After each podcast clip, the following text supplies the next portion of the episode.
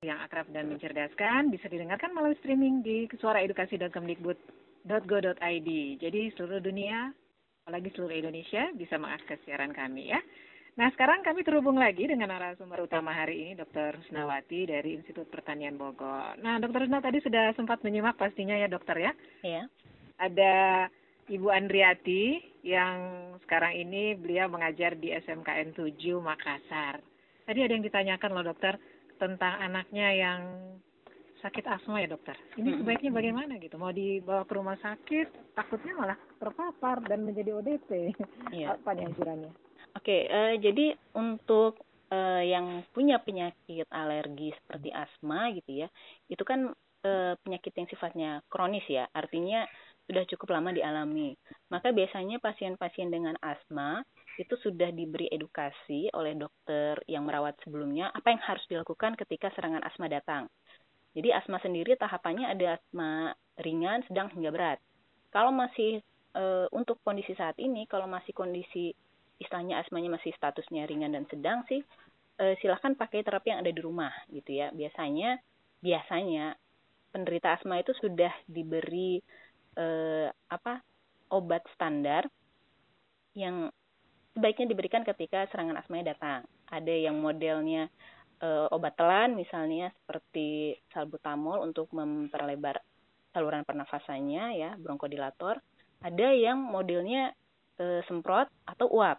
Nah, kalau memang e, apa orang tua sudah bisa menggunakan, artinya sudah pernah diberitahukan diajari oleh e, tenaga kesehatan sebelumnya cara menggunakan uap gitu ya termasuk juga dosis yang sebaiknya dipakai boleh saja gitu ya. Karena sekarang ini untuk kondisi sekarang ya, memang hal-hal yang bisa dilakukan di rumah, hal-hal yang bisa diobati di rumah lebih disarankan untuk dilakukan di rumah.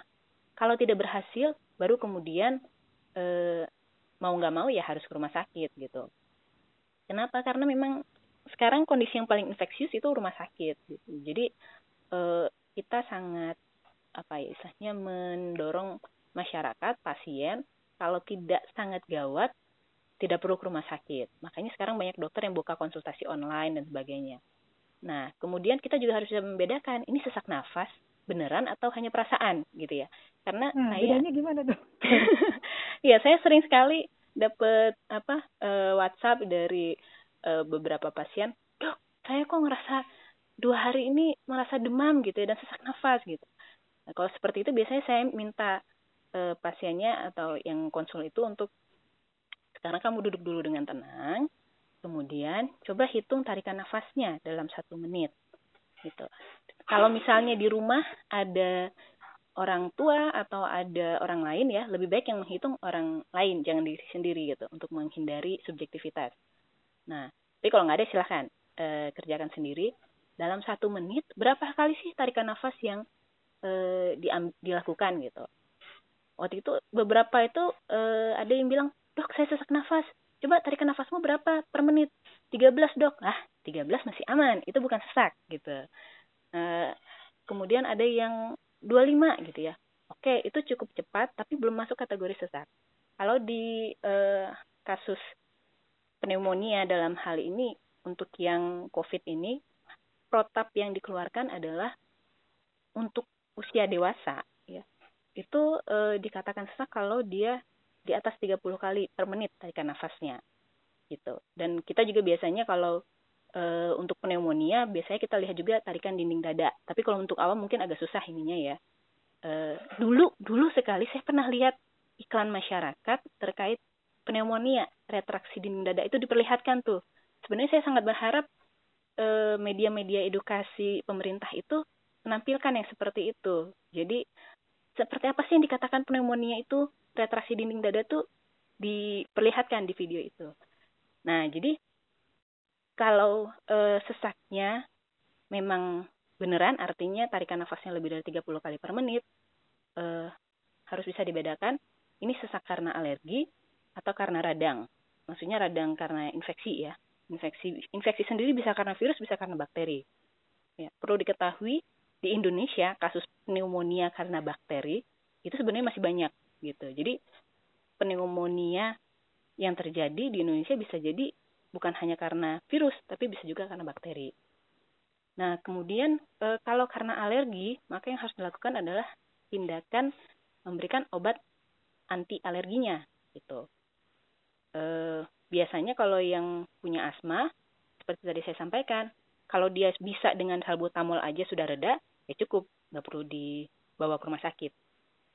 Itu. Kalau sudah kita lakukan tindakan-tindakan tidak membaik juga, apalagi tambah berat gitu ya, itu mau nggak mau harus segera dibawa ke rumah sakit. Karena gangguan pernafasan itu ya sangat berbahaya gitu. Mungkin itu Ya, dari kalau saya. ke rumah sakit ini karena kasusnya uh, menimpa anak-anak itu apa nih anjurannya dokter di tengah situasi COVID-19? Uh, kalau ke rumah sakit ya sebelumnya sebaiknya pastikan dulu rumah sakit yang dituju itu available, artinya uh, siap untuk menerima pasien gitu. Uh, kalau memang apa ya istilahnya ya, uh, sesak nafasnya parah, harusnya itu indikasinya masuknya ke UGD gitu. Beda kalau sesak nafas biasa kan uh, yang istilah bukan sesak nafas ya, kok jadi agak berat gitu narik nafas gitu ya. Nah, tapi jumlah ini masih jumlah tarikan nafasnya masih standar. Um, biasanya kan cukup ke poli aja tuh untuk penanganan ini penanganan rutin. Nah, itu bias e, sebaiknya dihindari ke poli dan sebagainya. Nah, tapi kalau memang parah sekali ya harus ke UGD dan um, sebaiknya protokol keluar dari Kemenkes tetap dilaksanakan. Artinya tetap pakai pakai lengan panjang gitu ya. Kalau pakai masker mungkin agak susah ya. Kalau udah sesek pakai masker mah nggak ini. Nah, iya. Dan ya ke rumah sakit kalau bisa tetap jaga ininya, jaga apa ya? Eh jaga jarak dengan pasien yang lain gitu sebenarnya kalau udah masuk wilayah rumah sakit udah susah sih intinya kita serahkan ke tenaga staf rumah sakit yang ada di dalam kan jadi eh ya usaha maksimal yang bisa dilak yang dilakukan kita ya pasien adalah dari rumah sampai ke pintu rumah sakit. Nah, setelah masuk rumah sakit, itu semua sudah kita hanya bisa mengikuti alur yang ada di rumah sakit tersebut gitu. Kalau memang rumah sakitnya hektik, terlalu banyak pasien, kita nggak bisa kontrol untuk apa e, jaga jarak ataupun e, seperti apa gitu. Oh ya dokter, saya pernah memperhatikan gitu ada juga nih masyarakat kita tuh yang ke mana-mana juga bawa tis tisu basah gitu. Jadi dalam hmm. keadaan seperti ini, ketika mau duduk di tempat umum ya karena memang mungkin harus keluar, itu kursinya dipakai tisu basah. Itu efektif atau tidak dok? Uh, itu uh, istilahnya usaha maksimal yang bisa dilakukan, boleh ya e, tisu basah yang mengandung alkohol dia bisa untuk mendesinfeksi e, mematikan virus ya. Karena alkohol 70% tadi bisa mendenaturasi protein yang ada di virus gitu. Atau bisa juga ada beberapa tisu basah yang dia menggunakannya eh apa ya non alkohol misalnya. Itu harus dilihat sebenarnya kandungannya kalau dia non alkohol terus kandungannya apa? Kalau cuman basah karena air itu nggak efektif gitu. Oh, jadi harus ada alkohol 70% itu ya, Dok? Alkohol 70% atau ada eh apa ya? eh non eh, essential oil ya. Essential oil itu misalnya kayak tea oil itu sudah ada beberapa penelitian yang menunjukkan dia mampu untuk meng, apa mendesinfeksi ya sebagai antiseptik gitu. Tapi kalau yang lain-lain eh penelitiannya masih kurang ini kurang apa ya istilahnya ya kurang valid lah gitu iya ada lagi dokter ini yang merendam pakaiannya itu pakai detol hmm. kemudian bak mandinya juga diberikan detol atau uh, ini bukan yang untuk membersih lantai itu apa maaf jadi sebutkan merek ya hmm. Wipol kalau nggak salah. Oh ya, karena ngejarnya di karbolnya ya biasanya. Karbol maksudnya, iya seperti itu. Bagaimana dok? Oke, jadi eh, sekali lagi harus dipahami bahwa bahan-bahan desinfektan itu banyak banget jenisnya, ya. Ada yang eh, sifatnya mengandung klorin atau pemutih gitu ya. Ada yang sifatnya mengandung alkohol, ya. Kemudian ada juga yang eh, mengandung deterjen. Jadi untuk melarutkan lemaknya. Yang paling apa istilahnya ya? Yang kalau bisa dihindari di rumah itu adalah yang mengandung hidrogen peroksida. Biasanya kalau yang seperti ini digunakannya di lab-lab atau tempat-tempat e, klinis ya. Jadi e, sebenarnya kalau mau merendam pakaian ya cukup dengan deterjen e, saja gitu. Kenapa? Karena deterjen itu bisa melarutkan lemak gitu. Jadi itu sudah cukup. Kalau mau apa? Kalau harus pakai karbol ya bisa tapi e, kalau bisa dengan deterjen kenapa harus pakai karbol gitu kan sekali lagi kita harus e, apa menyadari bahwa sebenarnya bahan-bahan yang biasa kita gunakan untuk bersih-bersih di rumah itu sudah cukup untuk mendenaturasi protein pada bakteri ataupun virus dan juga untuk mendegradasi lemak yang jadi eh, pas selubungnya protein atau eh, virus ataupun bakteri. Begitu. Jadi air bak mandi juga tidak perlu diberikan karbol begitu ya dok? Uh, kalau misalnya tujuannya, kalau misalnya mandinya pasti pakai sabun, nggak perlu. Kecuali oh, kalau iya. misalnya niatnya mandinya eh, nggak mau pakai sabun gitu ya. Kan ada orang-orang yang tipenya mungkin kulitnya terlalu sensitif untuk kena sabun, jadi uh, dia pakai cairan langsung dari air mandinya, ya stop gitu. Tapi kalau oh. misalnya bakal disabunin semua badannya ya ya nggak perlu gitu. Oke, baik ya. Jadi uh, ya kita tahu standar ukurannya seperti apa ya dokter ya. Hmm. Nah, dokter ini sudah hampir di penghujung acara. Mungkin ada yang mau dirangkum, disimpulkan dan uh. juga diperhatikan lagi dokter. Oke, jadi untuk uh, tips membersihkan rumah ya, uh, pada prinsipnya seperti tadi ya bersihkan sapu dan pel rumah dua kali sehari kemudian bersihkan area-area yang sering dipegang tangan terutama permukaan kalau di rumah ya. Tidak perlu uh, semprot-semprot satu ruangan kalau memang tidak ada yang menderita uh, yang tidak ada yang positif covid di rumah. Kemudian gunakan saja cairan pembersih rumah tangga standar. Jadi kita nggak perlu panik buying dengan membeli uh, produk yang apa BC atau broadcastnya tuh tersebar luas gitu ya. Karena sebenarnya semua uh, alat pembersih yang ada di pasaran itu insya Allah bisa berfungsi untuk membersihkan. Kemudian uh, patuhi protokol keluar rumah dan masuk rumah dari Kementerian Kesehatan. Bersihkan barang-barang yang dibawa dari luar sesuai dengan kategorinya. Kalau barangnya itu awet uh, dan tidak dibutuhkan dalam waktu cepat gitu ya, sebaiknya disimpan di tempat yang jarang dijangkau tangan selama 3 sampai 4 hari untuk meyakinkan kalau misalnya ada kontak virus, virusnya udah hilang. Kalau itu barang yang tidak tahan lama seperti sayur dan buah gitu ya, sebaiknya segera dicuci dengan air mengalir. Kalau bisa pakai eh, sabun untuk cuci buah, sayur, sebaiknya dipakai juga gitu. Kemudian kalau ada makanan-makanan yang sifatnya bisa dipanaskan, segera dipanaskan untuk mematikan eh, pro, apa mendenaturasi protein yang ada di virus. Nah, yang terakhir yang ingin saya sampaikan adalah e, pola hidup bersih sehat ya. Sebenarnya ada sehat itu terdiri atas lima kata dan e, sorry lima huruf. Dan lima huruf itu mewakili masing-masingnya. Ini ilmu yang saya dapat dari e, guru saya dokter Bambang Jarwoto SPPD almarhum. Semoga ilmu beliau jadi amal jariah. Amin. Jadi sehat itu terdiri atas S seimbang gizi. Artinya walaupun sedang fase stay at home gitu ya, kita harus tetap menjaga nutrisi yang masuk ke tubuh kita itu baik.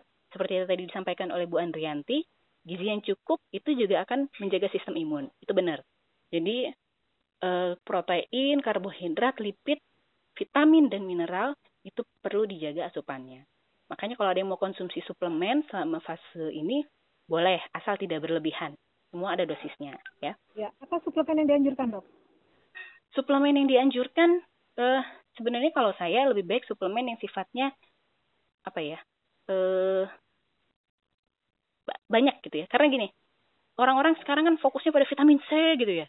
Saya kemarin ke apotek ada nyari uh, suplemen-suplemen untuk anak-anak. Rata-rata yang ke apotek itu pasti nanya ada vitamin eh, sorry saya sebut merek apa apa apa ada vitamin C ini enggak ada ini enggak habis-habis karena semua mengejarnya vitamin C dosis tinggi. Padahal eh, kalau kita kondisinya fit gitu ya, nutrisi kita cukup, artinya kita masih bisa makan sayur dan buah gitu. Vitamin C itu sebenarnya maksimal tuh 120 mg per hari yang dibutuhkan. Kita nah, 500. Iya, padahal yang beredar di pasaran itu kan 500 sampai 1000 gitu ya. Nah, kalau misalnya lagi nggak fit, lagi sakit, misalnya nggak enak badan, flu, flu flu ringan gitu ya, bolehlah konsumsinya 500 sampai 1000. Karena memang vitamin C punya efek untuk apa e, memperbaiki epitel-epitel yang rusak di saluran nafas. Tapi kalau misalnya kondisinya lagi fit nggak ada apa-apa dan di rumah juga kita kan e, jarang paparan oleh oksidan oksidan itu radikal bebas ya kalau kita harus keluar rumah kan kena polusi gitu itu itu radikal bebas. Maka e, konsumsi antioksidan dari vitamin C lebih tinggi boleh. Tapi selama di rumah paparan radikal bebas kan kurang. Jadi sebenarnya nggak perlu tinggi tinggi amat 150 udah maksimal lah gitu ya. Oke kemudian kita juga tetap butuh vitamin E vitamin B vitamin D gitu. Dan juga Eh, mineral-mineral yang lainnya. Zinc itu penting untuk tubuh. Makanya kalau ada suplemen yang sifatnya e, lebih dari satu jenis, lebih dengan dosis yang tidak terlalu tinggi, saya sih lebih menyarankan itu daripada yang hanya satu jenis tapi dosisnya tinggi, gitu. Karena B kompleks juga gitu ya dok? B kompleks boleh. Jadi gini, e, vitamin itu kan ada yang larut air, ada yang larut lemak. Vitamin yang larut lemak itu bisa disimpan di dalam tubuh. Artinya konsumsinya nggak harus setiap hari. Ya, vitamin A, vitamin D, vitamin E, K itu larut lemak. Jadi konsumsinya misalnya tiga hari sekali aja gitu, itu boleh nggak apa-apa. Tapi kalau vitamin B dan C itu vitamin yang larut air, artinya tidak bisa disimpan tubuh. Kalau dia konsumsinya berlebihan, maka akan dikeluarkan. Yang yang mengeluarkan eh, dikeluarkannya lewat apa? lewat urin biasanya paling besar. Makanya eh, kalau misalnya kita konsumsi vitamin C dosis tinggi, biasanya urinnya jadi lebih pekat warnanya. Karena itu, karena dikeluarkan oleh tubuh. Misalnya konsumsi 1000 mg padahal yang dipakai hanya 150 mg misalnya. Maka sisanya ada 850 mg yang akan dibuang. Kan sayang satu. Kedua itu memperberat fungsi ginjal gitu. Jadi karena yang berperan untuk filtrasi, kemudian membuang sampah-sampah itu lewat urin itu adalah ginjal. Jadi e, karena vitamin B dan C itu dibutuhkan setiap hari, maka konsumsinya sebaiknya dosis kecil tapi tiap hari gitu, rutin. Itu. Oke, okay, uh, baik. Dokter, itu, ada lagi nih uh, mumpung teringat kan banyak yang berjemur, itu juga sebetulnya bagian dari yang dianjurkan kah? ya vitamin D itu sebenarnya ada di makanan gitu ya e, tapi dalam bentuk yang belum aktif biasa sebagian besar ya. Nah diaktifkannya lewat apa? Lewat e, sinar matahari gitu. Jadi UV UVB dari sinar matahari itu bisa untuk mengaktifkan vitamin D yang ada dalam tubuh gitu. E, jadi kalau misalnya kemarin kan sempat beredar ya baiknya jam berapa jam berapa segala macam nah memang e, paling tidak seminggu sekali atau dua kali lah sempatkan untuk berjemur. Tujuannya apa? Untuk mengaktifkan vitamin D itu. Gitu. Dan karena vitamin D itu sifatnya bisa disimpan di dalam tubuh, ya itu tidak perlu dilakukan setiap hari. Paling tidak ya seminggu dua atau tiga kali gitu. Jamnya dokter? Waktunya? Jamnya, eh, sebenarnya kemarin sempat ada ini ya, sebaiknya di atas jam 10 dan sebagainya. Eh, jadi kalau sekarang sih rekomendasinya adalah sebelum jam 10. Tapi dilihat juga cahayanya karena setiap tempat kan beda-beda.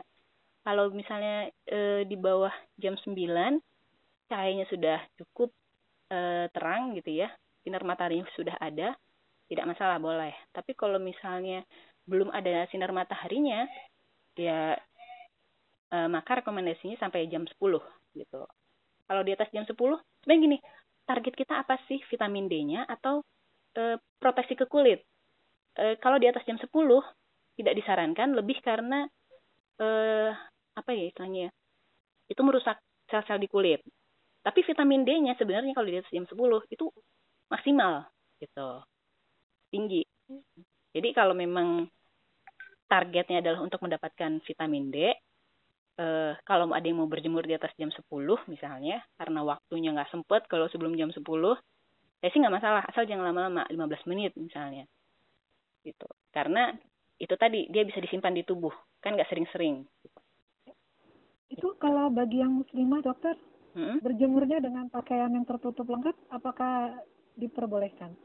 Ah, eh, sebenarnya yang baik berjemur itu kalau bisa luas wilayah kulit yang terbuka itu cukup luas gitu. Ini kan selama lagi fase uh, stay at home ya. Kalau misalnya ada lingkungan rumah ya, uh, ada di atas ada ada lantai dua di rumah gitu atau di belakang rumah, baiknya ya itu paling enggak kaki atau pergelangan lengannya di ini gitu. jemur ya.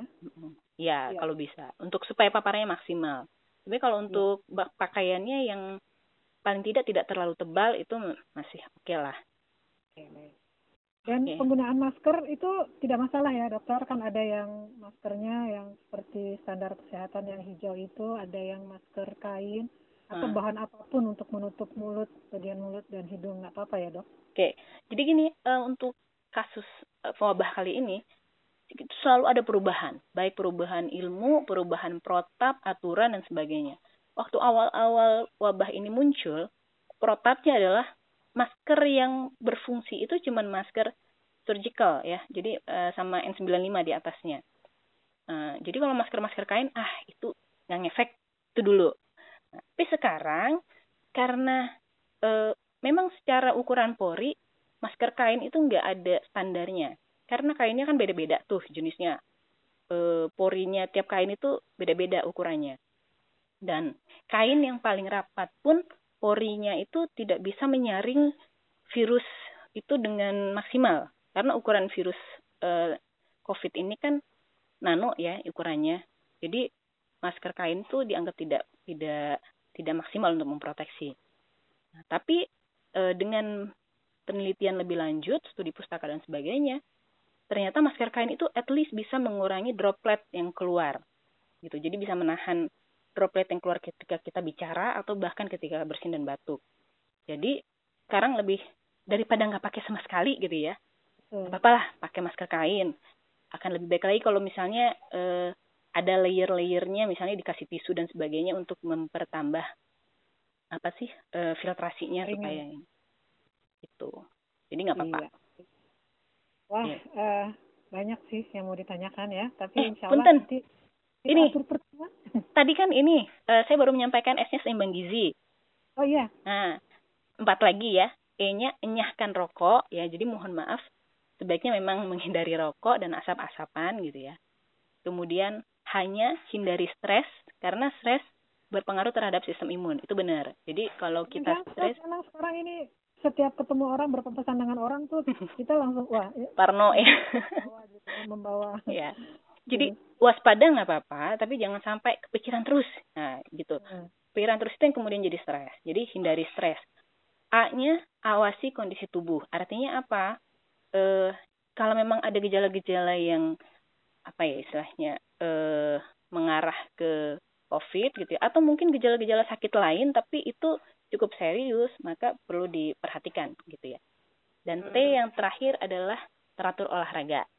Walaupun di rumah sempatkan kalau bisa seminggu dua atau tiga kali ya olahraga 20 sampai 30 menit. Supaya sistem imunnya jadi lebih baik, lebih optimal.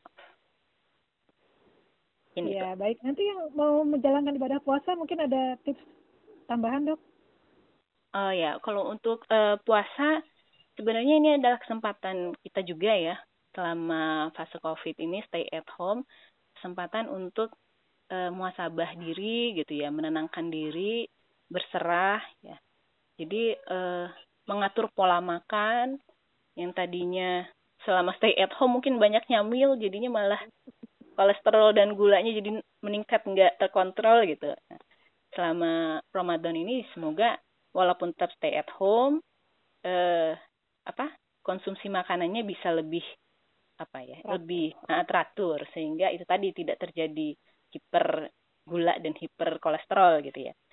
Kemudian walaupun puasa ya eh, lakukan olahraga ringan lebih untuk menggerakkan tubuh karena kalau memang kita benar-benar stay at home ya atau yang bekerja pun kita tetap harus membiasakan otot-otot tubuh kita itu e, bergerak gitu.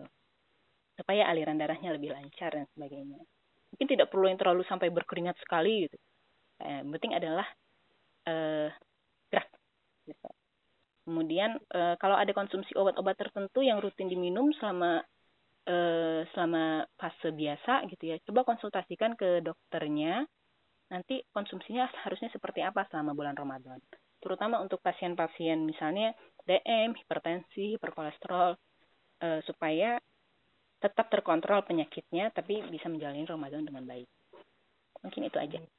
Ya Rabbal Alamin. Dokter termasuk yang garda terdepan juga ya dokter. Walaupun mungkin stay di rumah juga ini work from home. Memberikan konsultasi atau juga melayani pasien di rumah sakit. Kalau saya uh, ininya kan istilahnya amanah utamanya kan adalah di edukasi sebagai dosen. Nah, hmm. saya juga jadi dokter di Poli, tapi uh, saat ini saya mengusahakan konsultasi online. Tuh, oh, Poli iya, sendiri iya. memang dibatasin sekarang kas ininya, apa jam bukanya. Hmm. Boleh dokter mungkin mau menyampaikan kalau ada yang mau konsultasi online, diakses di mana? Eh, uh, kalau konsultasi online bisa lewat uh, Wapri ya, jadi menghubungi saya lewat by uh, WhatsApp. Eh, apa saya kasih tahu nomornya? Kalau berkenan? Oke, boleh di nomor 08 triple 1 075 810. Iya, baik. Terima kasih banyak atas waktunya. Ini kesempatan yang berharga sekali. Iya, sama-sama, uh, Mbak. Iya, ini rutin ya siaran pers dari IPB ya, dokter ya? Iya. Di rilis oleh dosen-dosennya ini membantu sekali buat kami masyarakat awam supaya nggak nabrak-nabrak nih dalam keadaan seperti ini mana petunjuk yang harus diikuti gitu ya mm-hmm. di sisi medis. Baik, terima kasih sekali lagi Dokter Husnawati iya, yang hari ini sudah membagikan lima tips bersih rumah, bersihkan rumah ya agar terhindar dari COVID-19. Mudah-mudahan kita bisa bertemu di lain kesempatan dalam sehat walafiat. Amin. Uh, segera berlalu ya. Amin. Kita sedunia ini dokter. Corona virus 19. Iya. Amin. Ya. Sampai jumpa dokter di lain yeah. kesempatan. Saya Hani mohon pamit. Assalamualaikum warahmatullahi wabarakatuh. Waalaikumsalam warahmatullahi wabarakatuh.